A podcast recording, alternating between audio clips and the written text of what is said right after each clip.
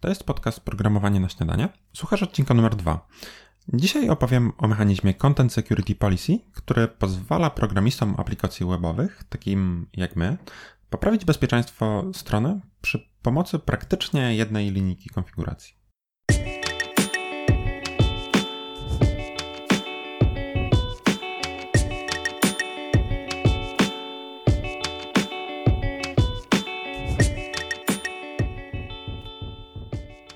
Z tej strony Paweł. Bardzo się cieszę, że zechciałeś lub zechciałaś zajrzeć do tego odcinka podcasta. Na samym starcie chcę przekazać Ci w skrócie o czym będzie, żeby pozwolić Ci ocenić, czy warto poświęcić na niego najbliższe kilkanaście minut. Po tym wstępie będzie jingle i przejdziemy do konkretów i mam nadzieję, że zechcesz zostać do samego końca. W tej audycji opowiem o mechanizmie Content Security Policy, który jest związany z bezpieczeństwem aplikacji webowych i stron internetowych, czyli generalnie wszystkiego, co tworzymy na przeglądarki internetowe. Jeśli więc interesuje Cię web development, a do tej pory nie spotkałeś albo nie spotkałaś się z tym mechanizmem, albo już nie pamiętasz dokładnie do czego służy, to zachęcam, żeby poświęcić kilka minut na przypomnienie sobie tego tematu. Ten mechanizm to tak naprawdę jedna, jedna linijka konfigurująca bezpieczeństwo naszej aplikacji i ta konfiguracja może siedzieć jako zwykły metatag w sekcji head strony albo być przesyłana przez serwer jako nagłówek HTTP. Postaram się tu prowadzić narrację tak, żeby nie zgubić Twojej uwagi, mimo że odcinek może wymagać trochę skupienia. I przede wszystkim pokazać pewne problemy z platformą web, które dziś mamy i które próbujemy rozwiązywać mechanizmami takimi jak właśnie Content Security Policy. Będzie też wniosek bardzo pragmatyczny, a mianowicie taki, że w nowo stawianych projektach web warto odejść od domyślnego zachowania przeglądarki i określić taką politykę bezpieczeństwa aplikacji, e, co nałoży na nas trochę restrykcji przy programowaniu, ale w rezultacie pozwoli stworzyć bezpieczniejszą aplikację. Żeby pokazać faktyczne korzyści dla bezpieczeństwa, w trakcie tego odcinka przedstawię m.in. trzy przykładowe klasy ataków, którym pozwala zapobiec Content Security Policy. Atak cross-site scripting, cross-site styling i clickjacking. E, I postaram się przystępnie wyjaśnić, na czym one wszystkie polegają. Mam nadzieję, że zachęciłem Cię do słuchania i zapraszam.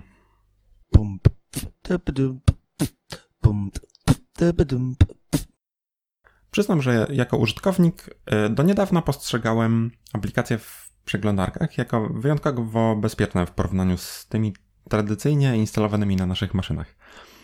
Programistyczna intuicja może nam wszystkim dawać takie wrażenie, bo w końcu używamy nowoczesnych przeglądarek, mm, które działają w różnego rodzaju sandboxach.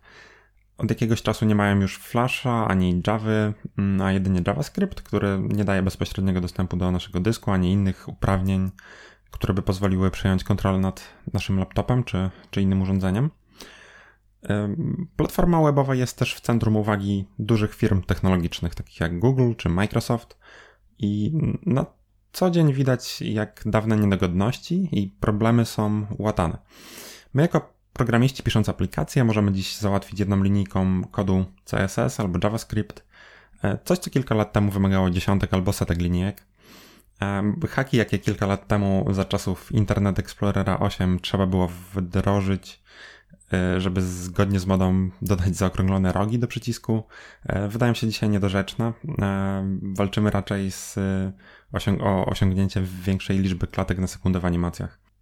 Przy całym tym postępie w świecie aplikacji internetowych zdarzają się jednak sytuacje, kiedy przypominamy sobie, że pierwszy standard HTML został opublikowany dawno temu w 1993 roku i to dziedzictwo czasem do nas wraca w postaci różnorakich problemów. Możemy spojrzeć na platformę web jak na system, który działa produkcyjnie od ponad 25 lat. I ewolu ewoluując, nie może sobie za bardzo pozwolić na zmiany, które nie byłyby kompatybilne wstecz, bo zepsułoby to masę istniejących stron i aplikacji. Jednym z aspektów, które obrywają przez konieczność zachowania kompatybilności wstecz jest bezpieczeństwo. Przykładowo w praktyce dopiero teraz na naszych oczach dokonuje się zmiana, w której protokół HTTP jest wypierany przez HTTPS. Ten brak szyfrowania, który do niedawna był typowy dla stron internetowych, Mm, to jeden z przykładów sytuacji, gdzie nie trzeba szczególnych zdolności hakerskich, e, aby naruszyć poważnie prywatność użytkowników stron.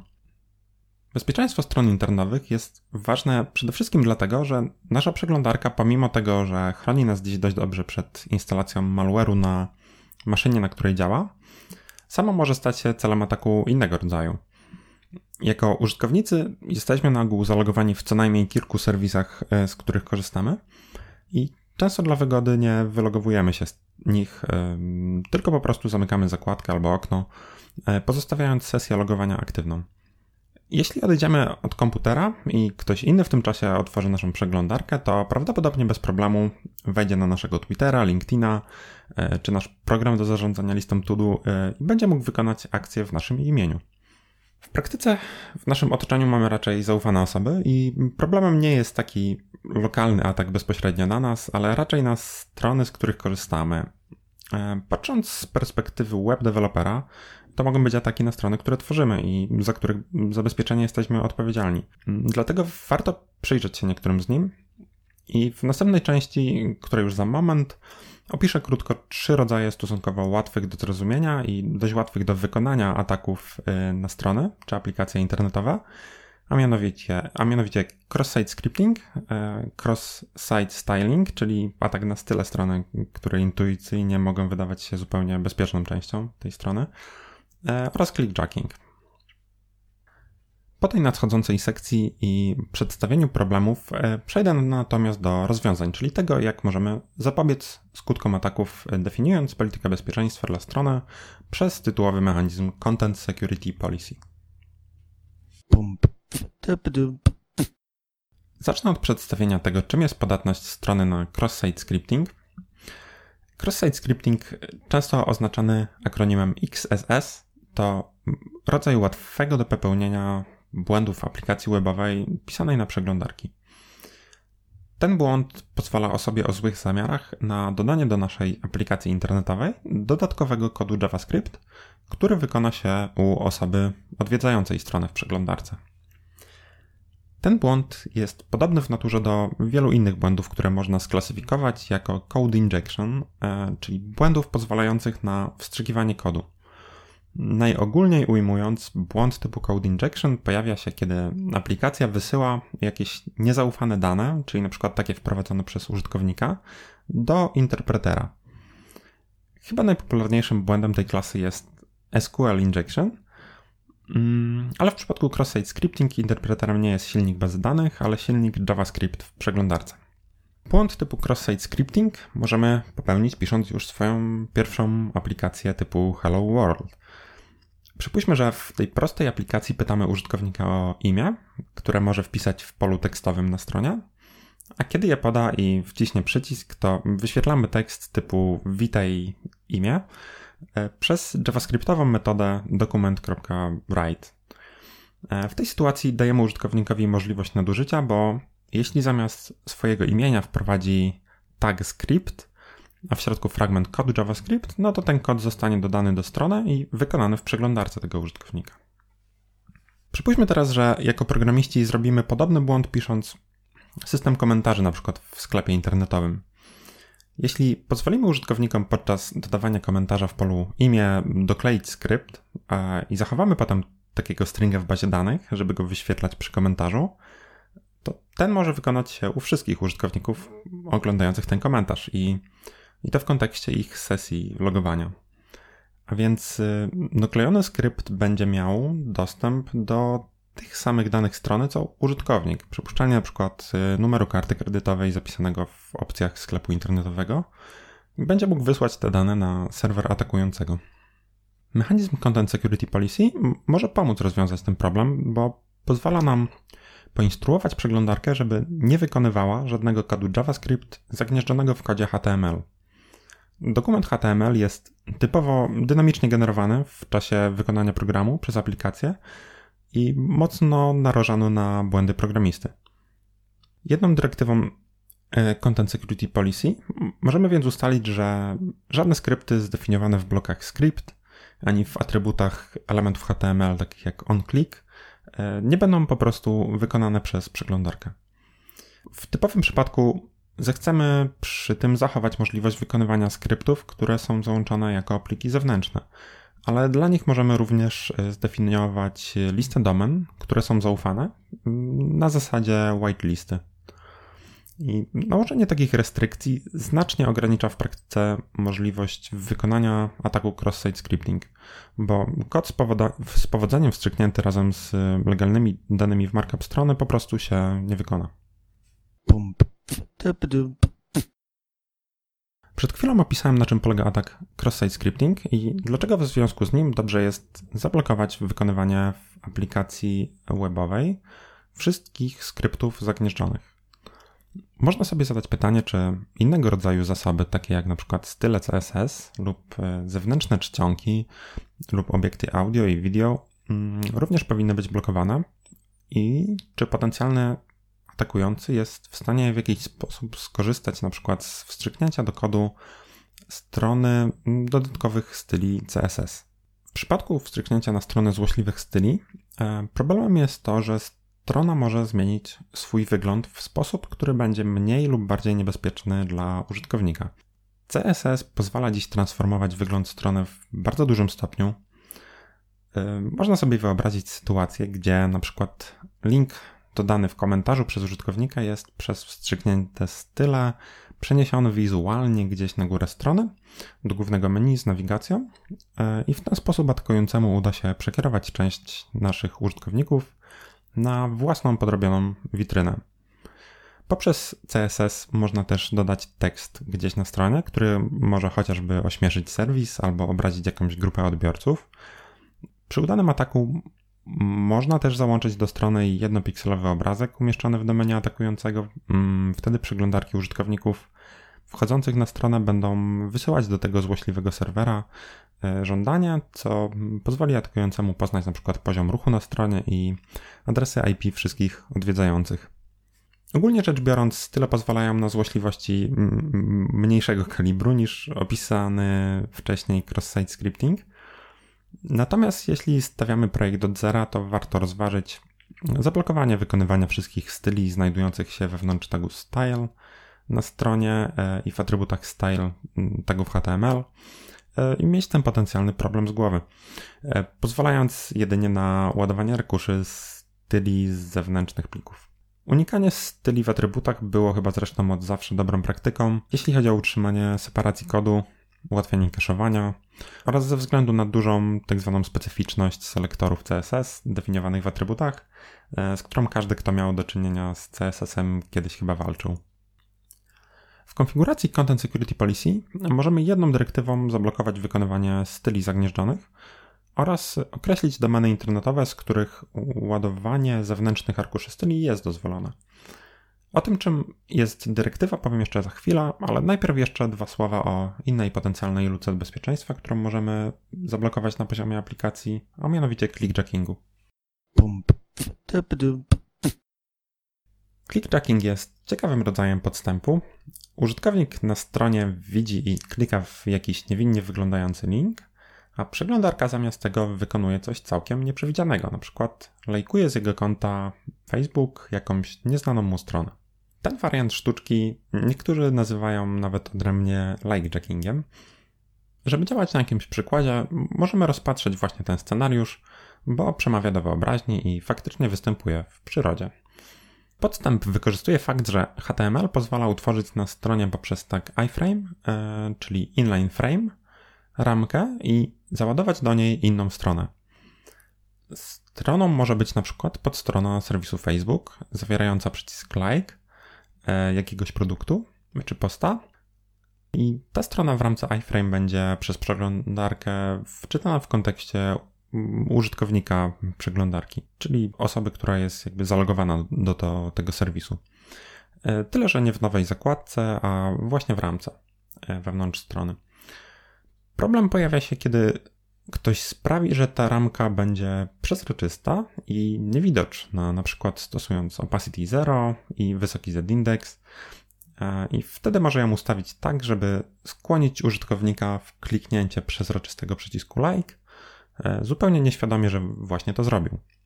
Jako twórcy aplikacji webowych e, chcemy przede wszystkim zapobiec wstrzyknięciu kodu na stronę, którą dewelopujemy, mm, aby chronić naszych użytkowników.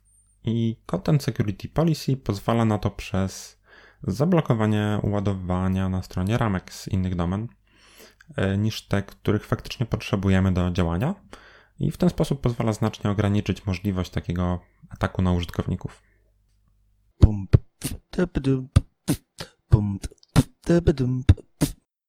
Tym sposobem dotarliśmy do sekcji, w której będę mógł trochę szerzej przedstawić rozwiązanie, a może raczej mitygację dla wspomnianych problemów i kilku im pokrewnych. Jeśli nasza strona pozwala na wstrzykiwanie kodu, no to już w tym tkwi problem i w jej kodzie będziemy docelowo chcieli go rozwiązać, bo prawdopodobnie nieprawidłowo używamy frameworka i gdzieś poszliśmy za bardzo na skróty. Mechanizm Content Security Policy pozwoli nam za to zablokować takie częściowo udane próby nadużyć. I jeśli e, się takie pojawią, e, to wskaże nam, gdzie nastąpiła próba ataku na użytkowników strony e, przez mechanizm raportowania, o którym jeszcze powiem. Content Security Policy to standard wspierany dzisiaj w dużym stopniu przez mm, wszystkie nowoczesne przeglądarki, pozwalający zdefiniować autorom stron, jakie zasoby mogą być ładowane przez przeglądarkę, a jakie powinny zostać zablokowane. Z założenia ma ograniczać możliwość wykonania ataków typu cross-site scripting, click-jacking i innego rodzaju ataków y, code injection skierowanych w przeglądarki. W tej chwili, na początku 2018 roku, dobrze wspierane w przeglądarkach są wersje pierwsza i druga standardu. Trwają prace nad trzecią wersją, ale to, co mamy teraz, y, zdecydowanie wystarcza już do rozwiązania dużej klasy problemów. Jako deweloperzy możemy zdefiniować politykę bezpieczeństwa strony na dwa sposoby. Pierwszym z nich jest wysyłanie stringa, y, gdzie deklarujemy nasze preferencje w nagłówku HTTP o nazwie Content Security Policy, rozdzielonego y, myślnikami. Drugą możliwością, wprowadzoną dla wygody w drugiej wersji standardu, jest przesyłanie tej wartości w metatagu strony.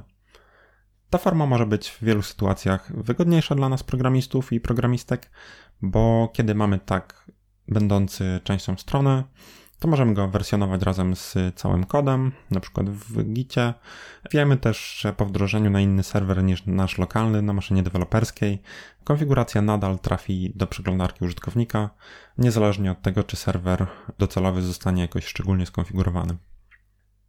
Jeśli podczas wczytywania strony przeglądarka napotka taki nagłówek lub metatag, to zastosuje politykę do wszystkich zasobów, z którymi spotka się podczas dalszego przetwarzania strony. Nagłówek HTTP, który definiujemy, opisuje oczekiwane od przeglądarki zachowanie przy pomocy dyrektyw i ich wartości.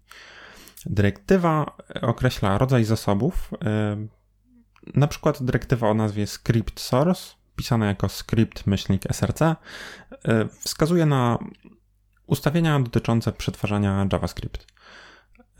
Wartość dyrektywy to lista źródeł, z których mogą być ładowane zasoby tego typu. Cały nagłówek Content Security Policy zawiera więc zestaw par klucz, kolekcja wartości, które są złączone, tworząc formę jednego długiego stringa. To w jaki sposób ten string jest złączony, to już detal, wystarczy popatrzeć na przykłady i, i będzie dość jasne, jak takiego stringa skleić. Przykładowo, dla wspomnianego klucza script source możemy zezwolić na ładowanie skryptów zewnętrznych z tej domeny, z której pochodzi strona, plus powiedzmy z domeny discuss.com, jeśli korzystamy z systemu komentarzy Discuss, plus na przykład Google Analytics.com. Jeśli w wartościach wypiszemy takie trzy domeny, to jedynie skrypty z tych domen będą wykonane przez przeglądarkę. Nie będą natomiast domyślnie wykonane skrypty z tagów script, ani te w atrybutach, takich jak onClick albo onMouseOver, te musielibyśmy jawnie włączyć, dodając do listy zaufanych źródeł e, specjalne wartości, które reprezentują te formy kodu JavaScript. Dyrektyw jest obecnie, czyli w drugiej wersji standardu, zaledwie kilkanaście i odpowiadają e, różnego rodzaju zasobom, które możemy chcieć kontrolować. Przejdę przez większość z nich, ale nie po to, żeby ktoś je próbował zapamiętać, bo to nie ma tu sensu, tylko żeby pokazać nad czym mniej więcej mamy kontrolę dzięki Content Security Policy. Nadrzędną dyrektywą jest default source, która jest używana w przypadku, kiedy nie zdefiniujemy którejkolwiek z pozostałych, czyli pozwala nam zdefiniować wartość domyślną. Generalnie dobrze ustawić jej jakąś restrykcyjną wartość, na przykład zezwalającą jedynie w naładowanie zasobów z tej samej domeny i jedynie na treści z zewnętrznych plików. Dyrektywy, które pozwalają w bardziej granularny sposób kontrolować konkretne rodzaje zasobów, to m.in. wspomniany wcześniej script source dotyczący skryptów, style source dotyczący styli CSS, object source określający dozwolone źródła dla obiektów takich jak Flash czy przeglądarkowa Java, czyli załączonych przez tagi object, applet i embed. Mm, generalnie, jeśli nie używamy tego typu staroci w przeglądarce, to najlepiej nie zezwalać przeglądarce na ładowanie tego typu obiektów e, w ramach naszej strony. Image source e, określa dozwolone źródła obrazków. Media source dotyczy zasobów audio i video. E, na przykład ten podcast na moim blogu jest embedowany jako plik audio i podlega tym regułom, tej regule media source. Frame ancestors pozwala generalnie ograniczyć źródła dla ramek, takie jak iframe i zmniejszyć e, szanse na udany clickjacking. Form action ogranicza lokalizację, do których przeglądarka może nas przekierować po submicie formularza. Font source dotyczy oczywiście czcionek. Nazwy dyrektyw dotyczące żądań wysyłanych z poziomu JavaScriptu i przekierowań inicjowanych przez kod JavaScript trochę się zmieniały pomiędzy wersjami standardu, ale generalnie wszędzie powinna być wspierana dyrektywa Connect Source, e, pozwalająca zdefiniować te lokalizacje. Wymieniłem tu kilka dyrektyw, które są do siebie podobne i dotyczą różnych kategorii zasobów, e, które przeglądarka może blokować lub nie. Na uwagę zasługują jeszcze w szczególności dwie nieco inne dyrektywy Content Security Policy. Pierwsza z nich to Upgrade Insecure Requests, która instruuje przeglądarkę, żeby wszelkie napotkane odwołania do zasobów po HTTP zmieniała na żądania HTTPS. W złożonych aplikacjach taka zmiana po stronie kodu całej aplikacji może być bardzo trudna i ta dyrektywa może pozwolić na łagodną migrację takich stron na HTTP na produkcji. Drugą z ciekawych dyrektyw jest Report URI, które prawdopodobnie w trzeciej wersji standardu zostanie przemianowane na Report 2. Ta dyrektywa pozwala nam poprosić przeglądarkę o to, żeby w przypadku naruszenia polityki Content Security Policy wysłała informację o tym zdarzeniu pod wskazany adres URL.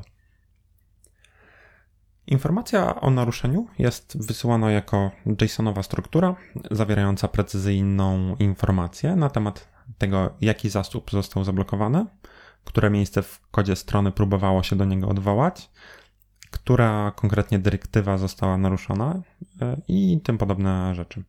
Mechanizmu można użyć e, nie tylko po to, żeby odnotować próbę ataku na stronę, ale też, żeby szybko wykryć sytuację, gdzie jako deweloperzy nałożyliśmy zbyt mocne ograniczenia albo zapomnieliśmy dodać jakąś domenę na białą listę. Co lepsze, możemy również poprosić przeglądarkę o samo raportowanie naruszeń bez blokowania zasobów. Pozwala to w pewnym sensie przetestować nasze Content Security Policy bezpośrednio na produkcji, w ten sposób, że przez jakiś czas jedynie zbieramy dane i obserwujemy, co się dzieje, i dopiero na tej podstawie po dwóch tygodniach albo miesiącu rzeczywiście włączamy blokowanie. Realizuje się to przez zmianę nagłówka HTTP albo odpowiadającego mu klucza metatagu z Content Security Policy na Content Security Policy Report Only. E, ta prosta zmiana powoduje zmianę działania z wymuszania polityki bezpieczeństwa na ów tryb e, obserwacji w którym jedynie zbieramy raporty o naruszeniach dyrektyw.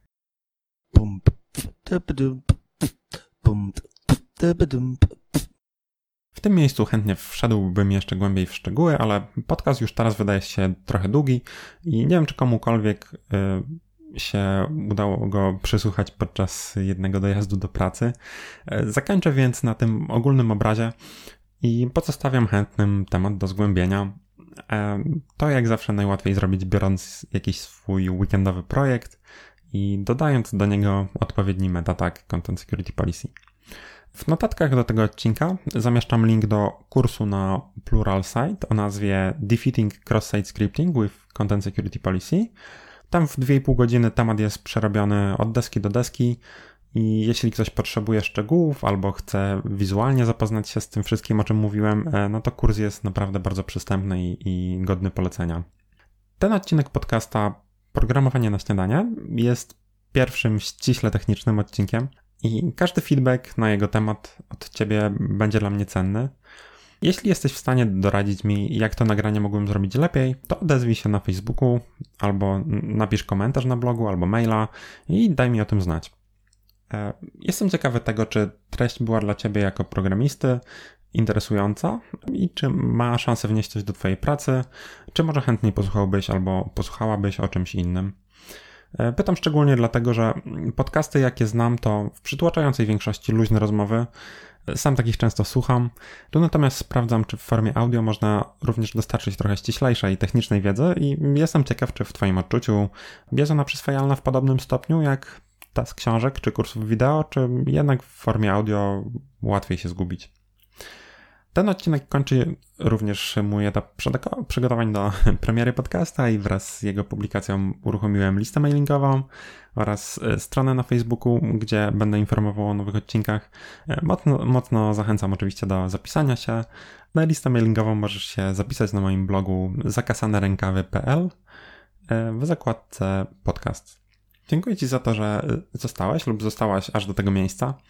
Życzę udanego dnia, bo przypuszczam, że podcastów tego typu słuchasz e, tak jak ja z rana i być może dzień pracy dopiero przed tobą.